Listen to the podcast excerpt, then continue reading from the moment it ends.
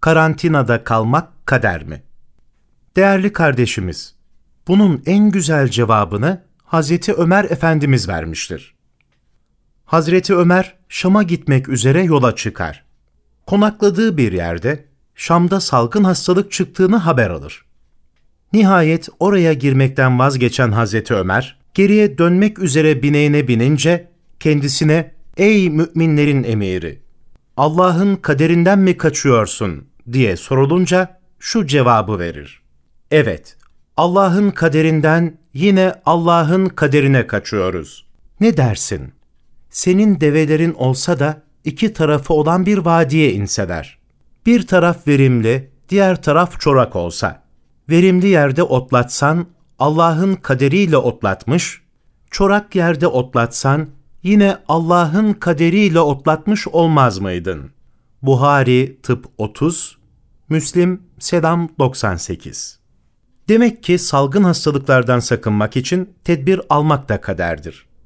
Halife Ömer'in Allah'ın kaderinden mi kaçıyorsun sözüne verdiği cevapsa son derece açık bir kıyas olup geri dönmenin kaderi değiştirmek anlamına gelmediğini fakat ihtiyatla hareket etmenin Allah'ın emri olduğunu ortaya koyar.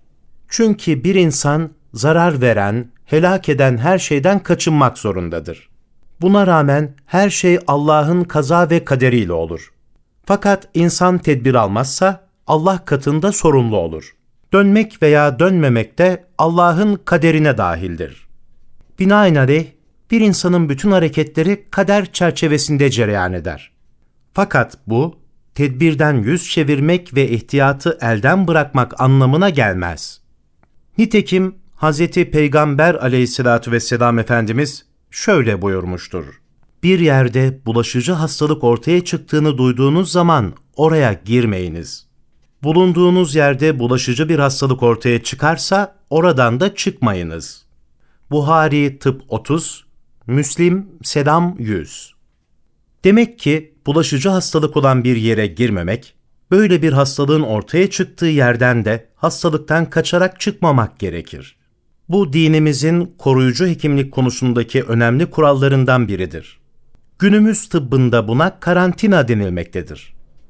Ülkeyi ve orada yaşayan insanları ilgilendiren olaylar konusunda ilim ehli ve sorumluluk hissi taşıyan insanlarla istişarelerde bulunmak müstehaptır. Alınan kararlara uymak gerekir.